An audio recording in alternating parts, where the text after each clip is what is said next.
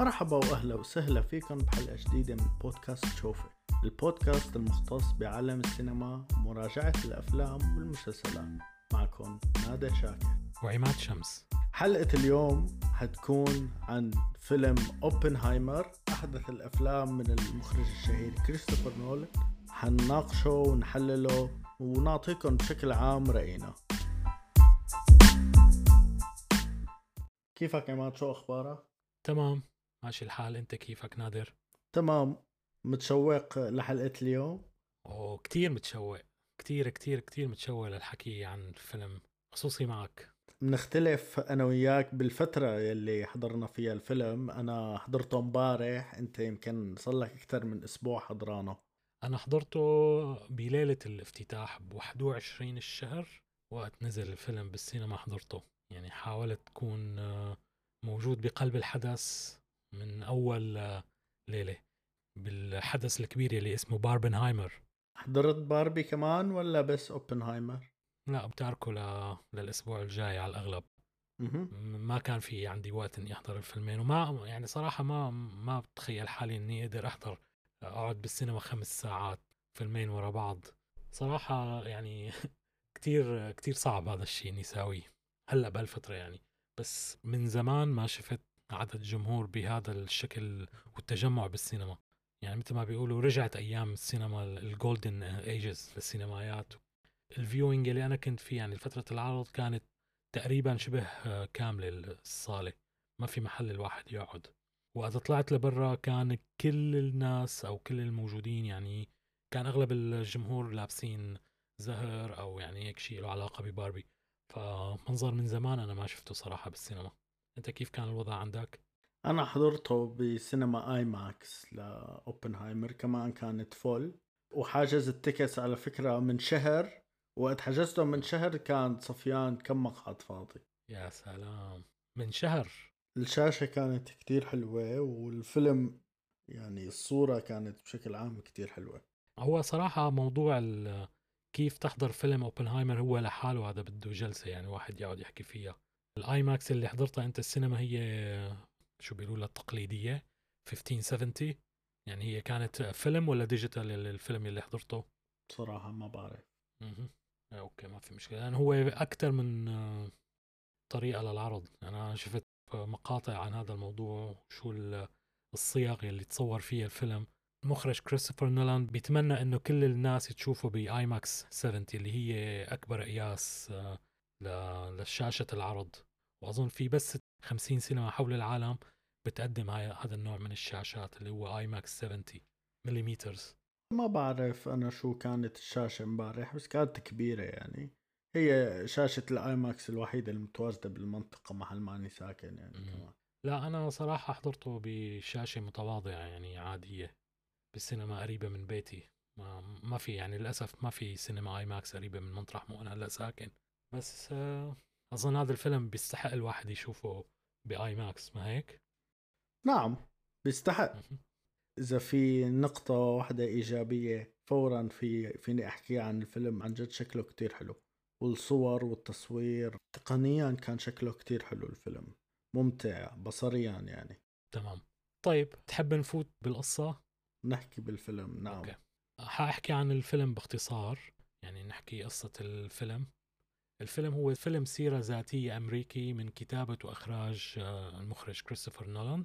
إنتاج سنة 2023 والفيلم مقتبس عن كتاب آه، بعنوان بروميثيوس الأمريكي عن حياة الفيزيائي آه، جي روبرت أوب- أوبنهايمر بيحكي الفيلم عن حياة ال- العالم الفيزياء النظرية اللي هو بيعتبر أبو القنبلة النووية واللي كان دوره كتير محوري بتطوير أول سلاح نووي كجزء من مشروع آه، منهاتن. وبالتالي خلى ال- العالم يفوت بالعصر ال- الذري أو النووي. شو رأيك بالفيلم نادر؟ تحب تعطيني رأيك عن الفيلم باختصار قبل ما نفوت بتفاصيل وحرق ال- القصة؟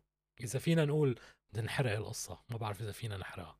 آه، هي أول شيء القصة اوريدي محروقة يعني القصة كتير مشهورة ومعروفة بجميع أنحاء العالم وكل حدا عنده تخيلات نوعا ما يعني شيء موجود بخصوص هي القصة سواء مشاعر ولا أفكار ولا آراء. مشان هيك الفيلم بصراحة ما قدم لي أي شيء جديد من ناحية القصة. الفيلم كان مثل ورجاني أفضل وأسوأ الجوانب تبع كريستوفر نولان بنفس الوقت. وباختصار ابدا ما كان أفضل فيلم لكريستوفر نولان مثل ما في كتير عالم عم تقول. كان في كتير إيجابيات وسلبيات أكيد حنمر فيها وبتوقع نتناقش بكل نقطة. بس بشكل عام كان ممتع بصريا مثل ما قلت لك قبل شوي. ما كان مشوق بما فيه الكفاية يعني من ناحية القصة وسرد الأحداث. ما كتير جذبني. كان في مشاكل واضحة سواء مشاكل تقنية سواء مشاكل روائية. من ناحية تانية في بعض اللحظات اللي كتير حلوة كانت بالفيلم كتير كانت قوية كانت مدعومة كمان ببعض الجمل والحوارات مثيرة جدا للاهتمام. تمام. أنت شو رأيك؟ صراحة أنا كتير بوافقك يعني بمعظم اللي قلته. الفيلم أكيد يعتبر مو عظيم ولكن فيلم كتير مهم وكتير ضروري الواحد يحضره ويفهم هذا الجانب من التاريخ اللي فينا نعتبره جانب مظلم من من تاريخ البشرية. الإخراج حسيته أنا من بالنسبة لأفلام كريستوفر نولان تعتبر ما بقول إنه متوسطة بس أعلى من المتوسط يعني. أعتبره يعني من ال top four من أفلامه لكريستوفر نولان. عجبني كتير مثل ما قلت تصوير رائع إضاءة كتير حلوة الكادر التمثيلي خطير. هذا كمان بدنا نحكي عنه. الحوارات كانت بشكل عام جيدة. عيبه أنا الوحيد اللي حسيته كان شوي فيه ضعف اللي ما كنت قدران إني أفهمه أول شيء أو أستوعب شو عم يصير اللي هو تصوير بعض الأحيان عم بيكون أبيض وأسود وبعدين بيرجع ملون.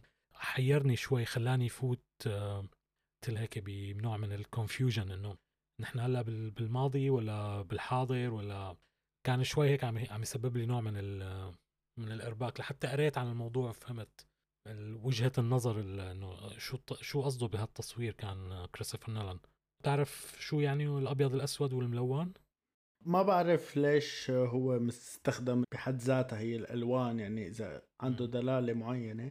بس اللي فهمته أنا إنه استخدام الألوان هي دليل على إنه هذا الشيء عم يصير بمكان ووقت تاني. عم يصير يعني سرد الأحداث من وجهات نظر مختلفة وبأوقات مختلفة في استخدام الأبيض والأسود والألوان بس بنفس الوقت هذا الشيء معروف يعني. بتقول بصمة كريستوفر نولان أنه سرد وروي القصة ما بيكون يعني بشكل متسلسل باتجاه واحد دائما آه، بيختار وجهات نظر وأزمنة مختلفة ليروي عن طريق الأحداث تبعه. بالإضافة أنه استخدم التسلسل الزمني ما كان مستقيم خط مستقيم كان عم يقطع بين الماضي والحاضر. بس استخدام الأبيض والأسود والملون وقت يكون المشهد ملون هذا بيكون من وجهة نظره لأوبنهايمر وقت يكون أبيض وأسود بيكون من بقية الناس اللي هن مثل شخصية روبرت داوني جونيور اللي اسمه ستراوس بالفيلم.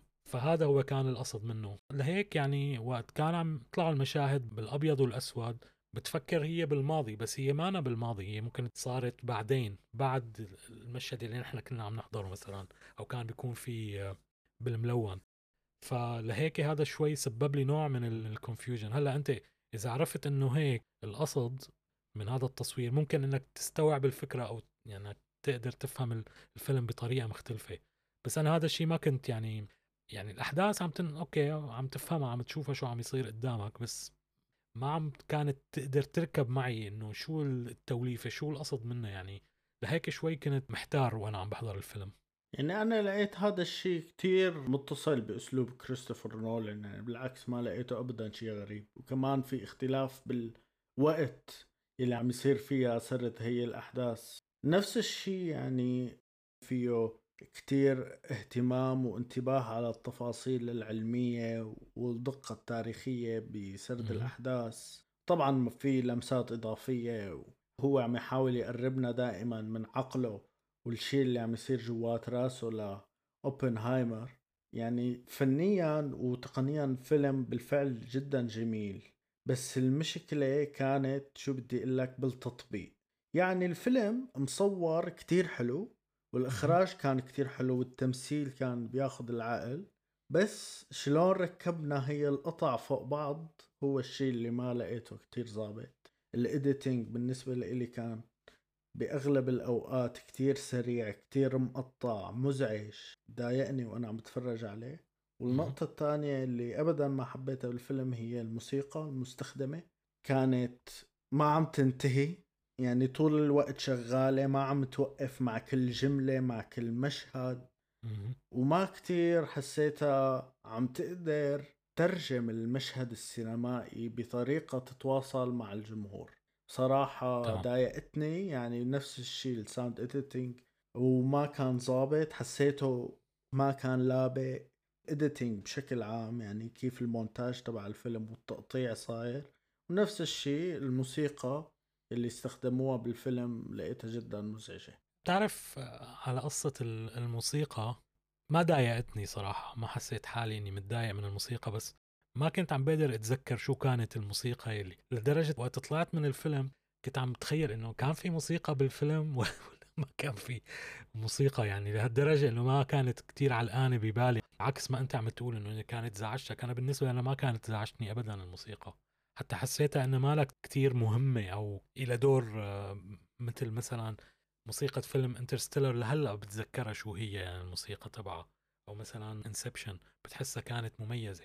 بس هو بتذكر أنا شفت فيديو عن هذا الموضوع إنه هو تقصد إنه ما يستخدموا آلات درمز أو مثل طبول بالإيقاع تبع الموسيقى. كلها كانت عبارة عن آلات وترية.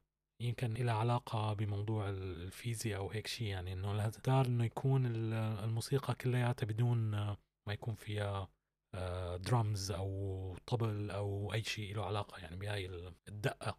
هلأ سؤال. م. شو أسوأ إنك تسمع الموسيقى وما تحبها ولا بنوب ما تنتبه عليها الموسيقى أني أسوأ؟ طبعا إنك ما تحبها. يعني أنا ما تضايقت منها ما زعجتني بس ما حسيتها إنه كانت مميزة. أما أنت إذا كانت لهالدرجة ضايقتك معناتها أكيد أسوأ. إي يعني هذا اللي عم أقول لك عليه إنه ما انتبهت عليها للموسيقى لأنه بالفعل ما كان لها أي دور بالفيلم لأنه الكثير من الأحيان كانت غير مناسبة كمان كانت بالفعل مزعجة. وخاصة هن ببداية الفيلم وهن عم يحاولوا يعملوا لنا لمحة سريعة عن الماضي تبعه لأوبنهايمر بأسرع طريقة ممكنة. يعني بالرغم من إنه الفيلم طويل ومدته استمرت لثلاث ساعات الا انه بتحس بكتير أماكن عم يركض ركض بالأحداث. وبعض المواقف مرت مرور الكرام وبعض الشخصيات طلعت مثل أثبتت وجودها واختفت بدون ما تعمل أي شيء أو يكون لها أي عمق بس بمجرد لأنها موجودة بالتاريخ. يعني الفيلم كمان اعتمد على المعرفة التاريخية والثقافية للجمهور تبعه. يعني ما حاول إنه يشرح بعض العلاقات بعض العلماء بعض تأثيراتهم الطريقة اللي ساهموا فيها من هي الناحية. بس اعتمد أكثر على الجمهور إنه هو اوريدي يكون عنده هي المعلومات. وهي كمان نقطة ما كثير حبيتها بصراحة. اللي هي إنه شو هي؟ عيدها بالله بعد إذنك. إنه شلون عم يمر مرور الكرام بس لحتى بمجرد إنه هي الشخصية تكون موجودة بالفيلم فبيطلعوا لنا إياها وهيك بمقطع سريع. عرفت؟ بمروا على هذا العالم على العالم اللي بعده على العالم اللي بعده. تمام. إيه يعني مثل إنه عم يعمل تيك على كل شخصية إنه أوكي هاي الشخصية يلا حكينا عنها اللي بعده حكينا عنها. تمام. وكتير شخصيات ما لعبوا دور بالفيلم يعني ما كان في لهم أي بعد ولا تطور شخصية ولا أي ارتباط أي علاقة. أنا معك بهي النقطة. ما بعرف صار لي يمكن هلأ حوالي 10 أيام حضران الفيلم. يعني أنا كنت بتمنى إنه مثلا يطلع هيك مثل title card بيقولوا على الشاشة إنه مثلا إنه نحن هلأ بالقرن الفلانية بالمنطقة الفلانية بالسنة الفلانية. ما كان هذا الشيء موجود ما هيك؟ على حد علمي. لا ما كان موجود. اي أنا كنت بتمنى يعني صراحة لو كان كتير بيريح المشاهدين أو الجمهور يعني شوف إنه يعرف نحن بأي حقبة خاصة إنه الفيلم مثل ما قلنا إنه كان كتير عم ينتقل بين الماضي والحاضر وبين الأبيض والأسود من شخصية أوبنهايمر للشخصيات الثانية. فهذا بيرجع كمان لو كان حاطط مثلا إنه أوكي نحن هلأ بالفترة الفلانية كان ممكن يسهل على الجمهور شوي بس كريستوفر نولان يعني معروف عنه إنه هو ما بيحب يساعد الجمهور. إنه يلا اصطفلوا أنتوا دبروا حالكم. هذا الفيلم ويلا اشتغلوا على حالكم حتى تفهموه. إيه. مثل ما قلت أنا الفيلم طلعت وكنت بدي أعرف أكثر يعني أنا بعرف قصته لأوبنهايمر بشكل مبسط بس ما كنت فايت كتير بالتفاصيل والتاريخ تبع القنبلة النووية وقديش هو كان مساهم فيها و... يعني اسمه معروف بس ما كنت بعرف شو الأحداث اللي كانت صايرة ب Manhattan Project أعطاني يعني نظرة منيحة عنه تاريخه. قدم لي يعني جانب منه لأوبنهايمر. ما كنت بعرف إنه هيك طريقة تفكيره يعني قديش كان هو حابب إنه يوصل لهذا الاختراع اللي هو سواه جيد الفيلم ما بقدر أقول إلا إنه مهم جدا وأي حدا مهتم بتاريخ السلاح أو الحرب النووية لازم يحضروا هذا الفيلم لحتى يعرف أكثر عن هذا الموضوع. طبعا الفيلم يعني ما فيه أي خزعبلات. فيلم سيرة ذاتية وعلى الأغلب عم يحاول يكون دقيق على أكبر قدر ممكن. وأكيد ضاف بعض المشاهد الدرامية أو الجمل الدرامية. بس هو قال إنه ما استخدموا أبدا CGI. يعني صور مبتكرة عن طريق الكمبيوتر. ومع ذلك الفيلم صور بإتقان شيء بطير العقل كانت كتير جميلة. خاصة المشهد اللي شفنا فيه انفجار قنبلة ذرية يعني. تمام. تحب نحكي عن الطاقم التمثيلي اللي كان بالفيلم؟ أها okay. برأيي النجم الأكبر هو كان أوبنهايمر يلي أدى دوره كيليان ميرفي مه. شو رأيك أنت كان في لكيليان؟ صراحة ما كنت متوقع أنه ممكن يطلع معه هيك تمثيل كيليان ميرفي بهذا الفيلم. يعني أبهرني. هذا الفيلم إذا ما بياخذ عليه أوسكار بكون مظلوم. يعني مو بس أنه يترشح مو لازم ياخذ عليه أوسكار صراحة. طريقة تمثيله طريقة استخدامه لعيونه بالفيلم كانت شيء غير عادي. طلعت من الفيلم وهيك كنت مبهور صراحة بأدائه لكيليان ميرفي. على كل الفيلم كان فيه أكثر من خمسين ممثل بين أدوار آه، رئيسية وثانوية أو حتى cameos يعني إنه مجرد ظهور بمشهد أو مشهدين. اللي طبعا على رأسهم كيليان ميرفي إيميلي بلانت بدور كيتي أوبنهايمر مرته مات ديمون بدور آه، الجنرال جروفز وروبرت داوني جونيور بدور آه، لويس ستراوس هن كانوا هدول الأربعة الأساسيين. بعدين بقى في مجموعة من الممثلين الثانويين أو المساعدين. في ثلاث ممثلين حائزين على الأوسكار اللي هن رامي مالك وعندك كيسي أفلك وجاري أولدمان.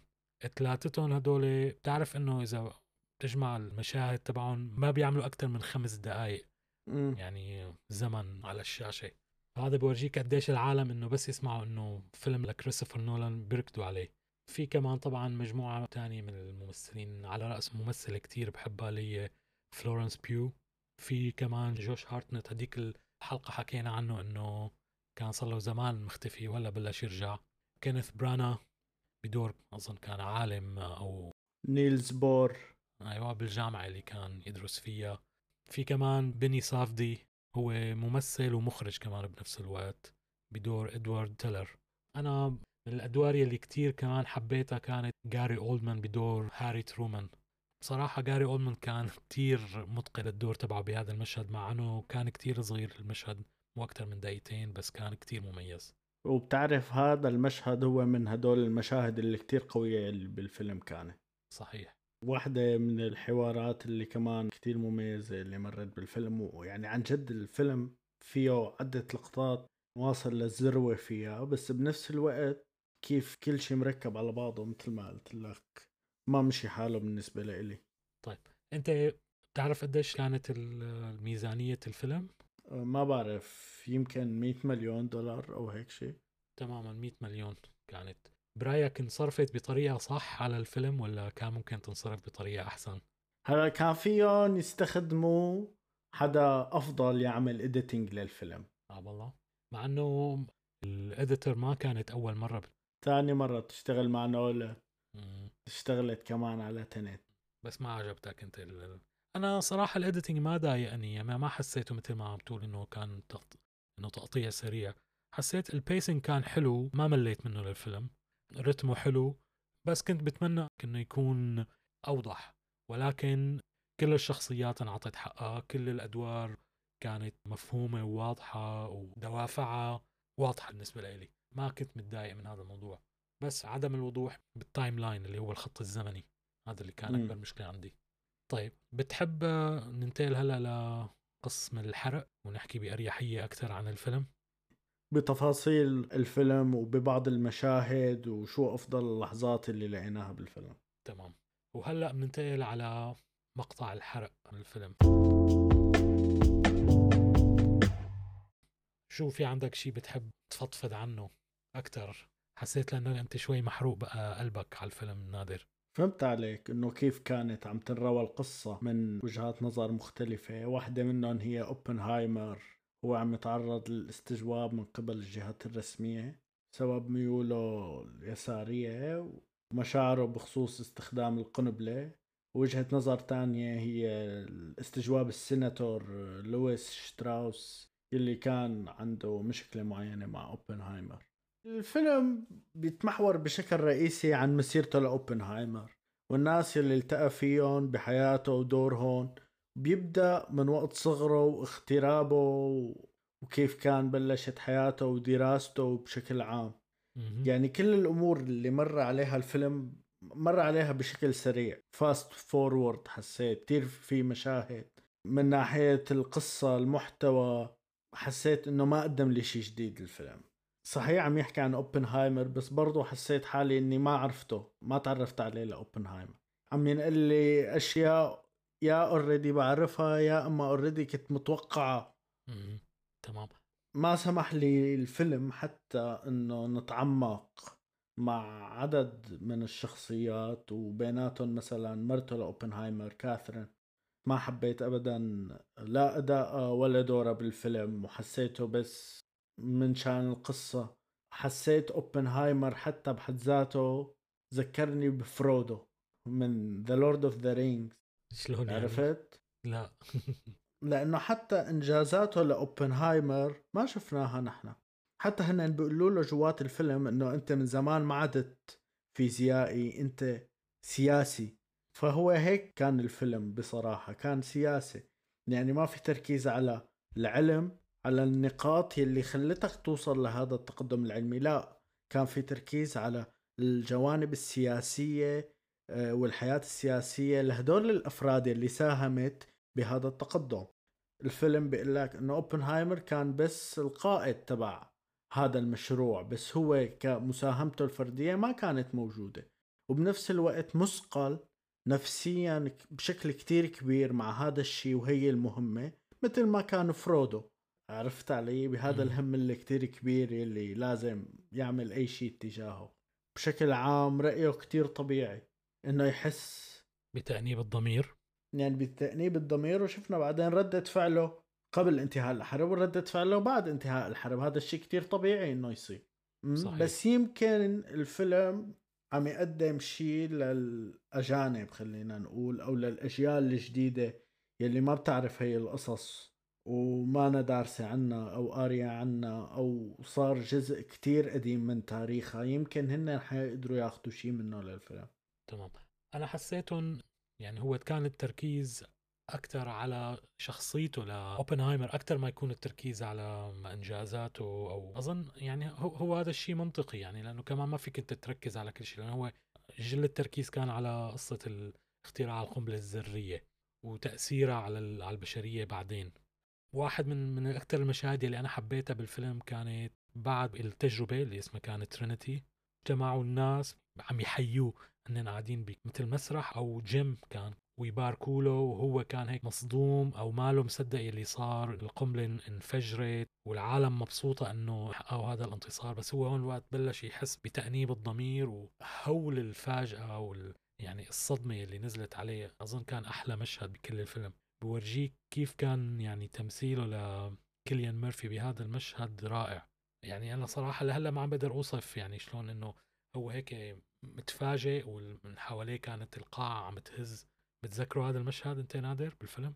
متذكره كتير منيح للمشهد. مو بس هيك وحاطط ببالي إنه هي هي من النقاط الإيجابية بالفيلم كل المشاهد اللي بيشوفها أوبنهايمر براسه وهو عم يمشي بحياته كانت من الهايلايتس بالفعل تبع الفيلم. وهي المشاهد اللي عم تعطينا هذا البعد النفسي عم تسمح لنا إنه نتواصل مع الشخصية الرئيسية بالفيلم وتعطينا يعني شيء من جوا خلتنا نشوف من جوا شو عم يصير. وهي عن جد من أفضل المشاهد بالفيلم معك حق.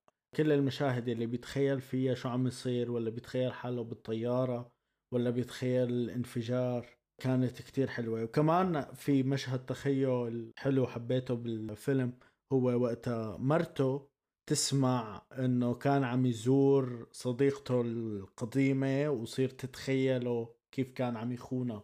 أثناء الاستجواب كمان هذا المقطع لقيته كتير قوي. كمان هذا بالفعل مشهد خطير.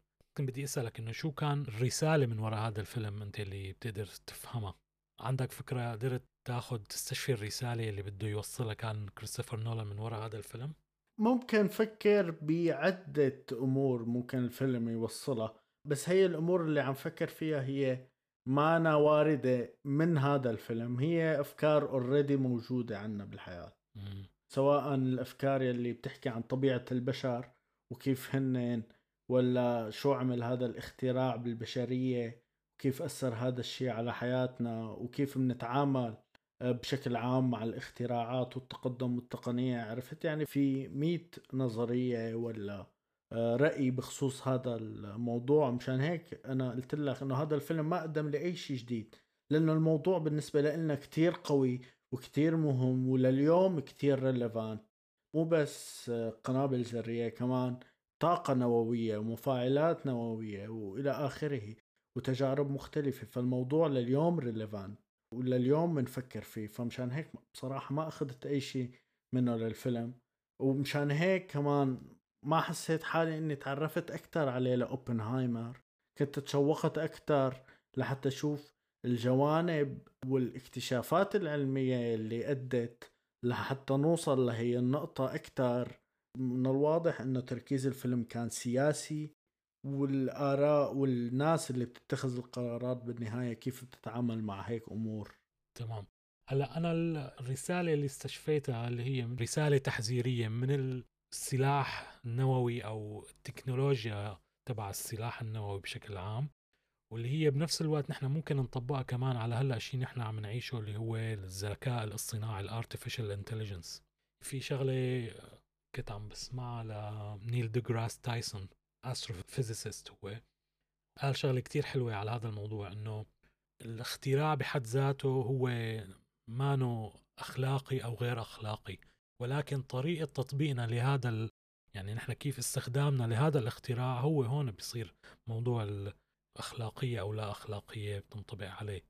بالنهاية روبرت أوبنهايمر اخترع القنبلة الذرية. هل هذا الشيء غلط؟ لا ما غلط لأنه إذا ما هو اخترعها في حدا تاني حيخترعها بس نحن طريقة تطبيقنا يعني إنه كيف نحن نستخدم هي الطاقة النووية والطاقة الذرية وشلون نقدر نوظفها بحياتنا اليومية بحياتنا العملية بشيء يفيد المجتمع. هون بقى الاختراع قوة الموضوع. يعني أنا وقت طلعت من الفيلم أول شيء صراحة ما كنت كتير عم بحاول أعرف لوين رح نوصل يعني نحن بالنهاية.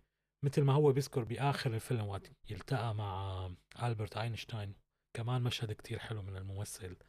بورجيك يعني بيسألوا إنه هل نحن اختراعنا هذا حيؤدي فينا لنهاية العالم؟ فبيجاوبوا أينشتاين اي نحن هلأ ببداية الطريق. بس نحن كيف بنوصل يعني لهذا الموضوع إذا نحن استخدمناه بطريقة غلط؟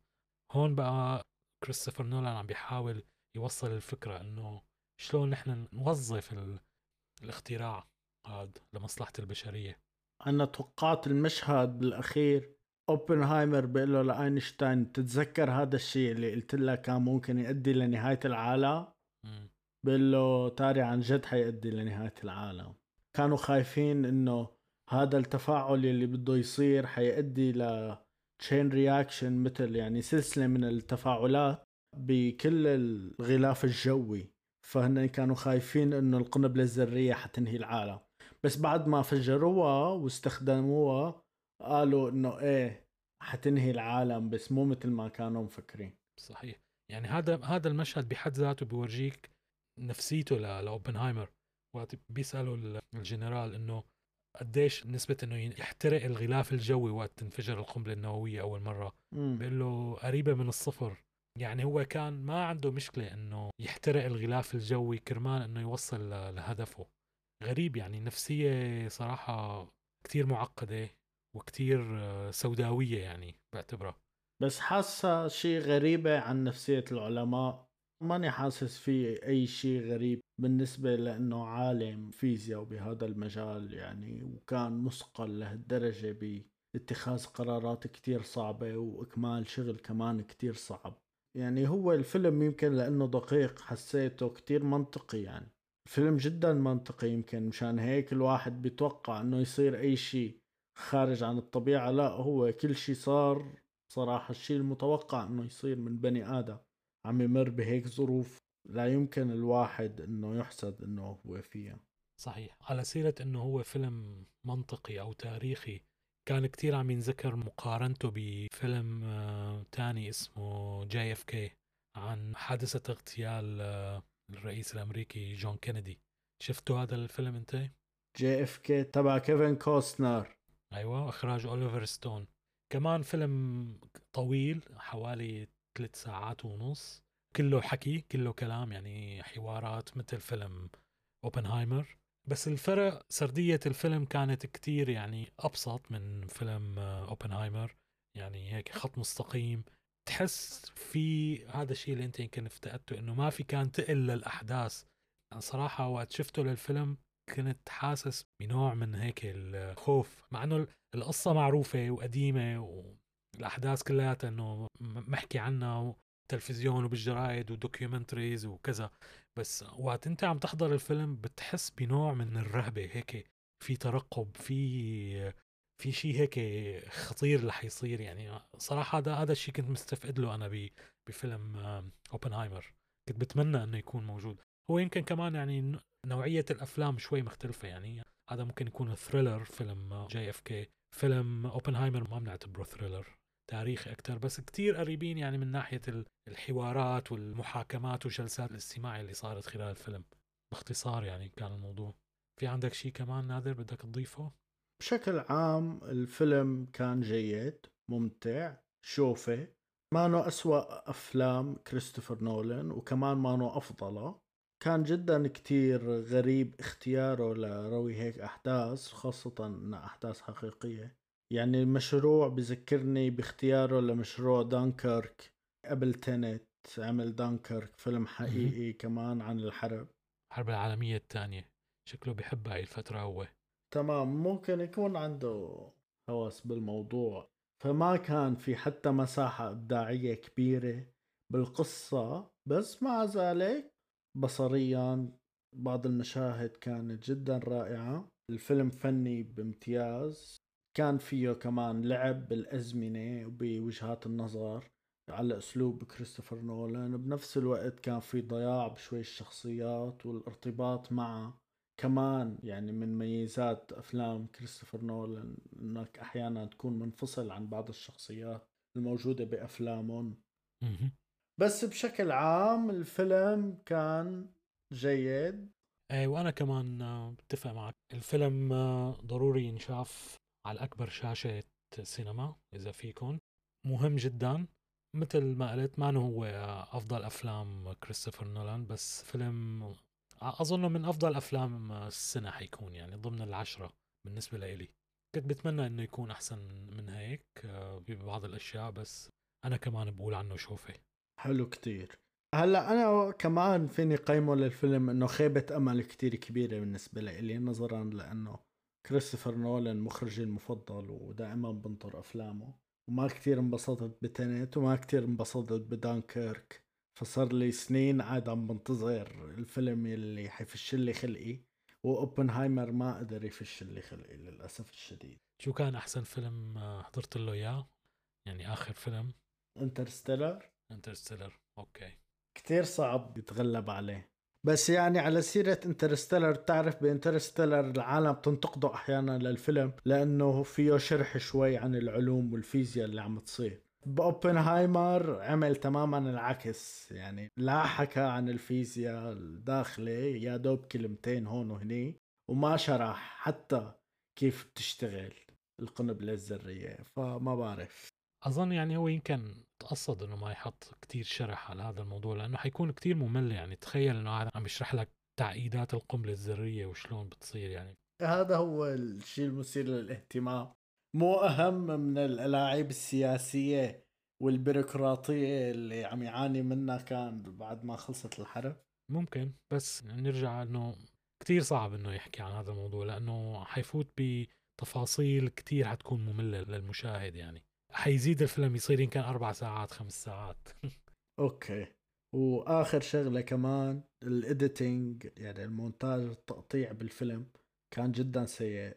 بتوقع كان فيه يكون على غير مستوى تماما لو كان متعوب عليه من هي الناحية أو لو نولان عامل ال editing بنفسه. هلأ قبل ما نخلص الحلقة بس شو توقعاتك بالنسبة للفيلم لجوائز الأوسكار السنة الجاية؟ آه سؤال حلو. أظن كيليان ميرفي رح يترشح لجائزة أحسن ممثل.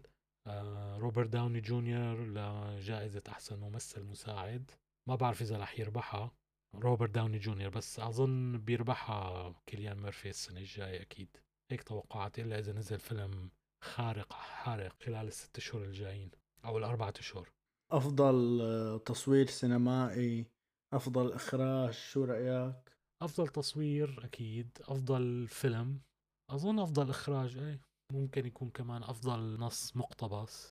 الصوت كان صراحة خطير. كيف كان الصوت بال... بالسينما ال IMAX عندك؟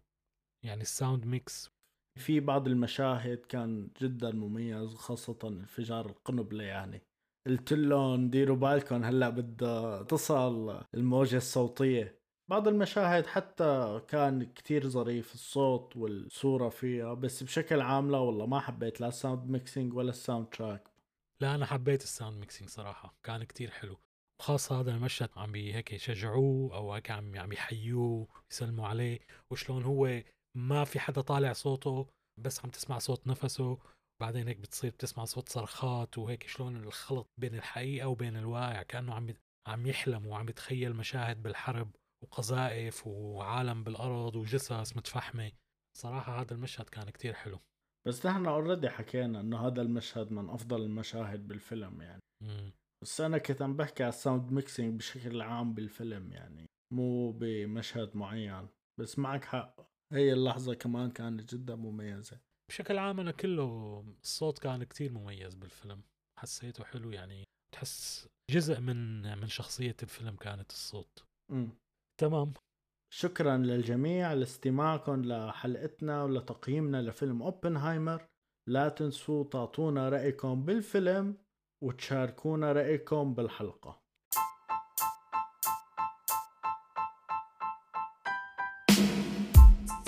الحلقة الجاية حتكون عن فيلم باربي.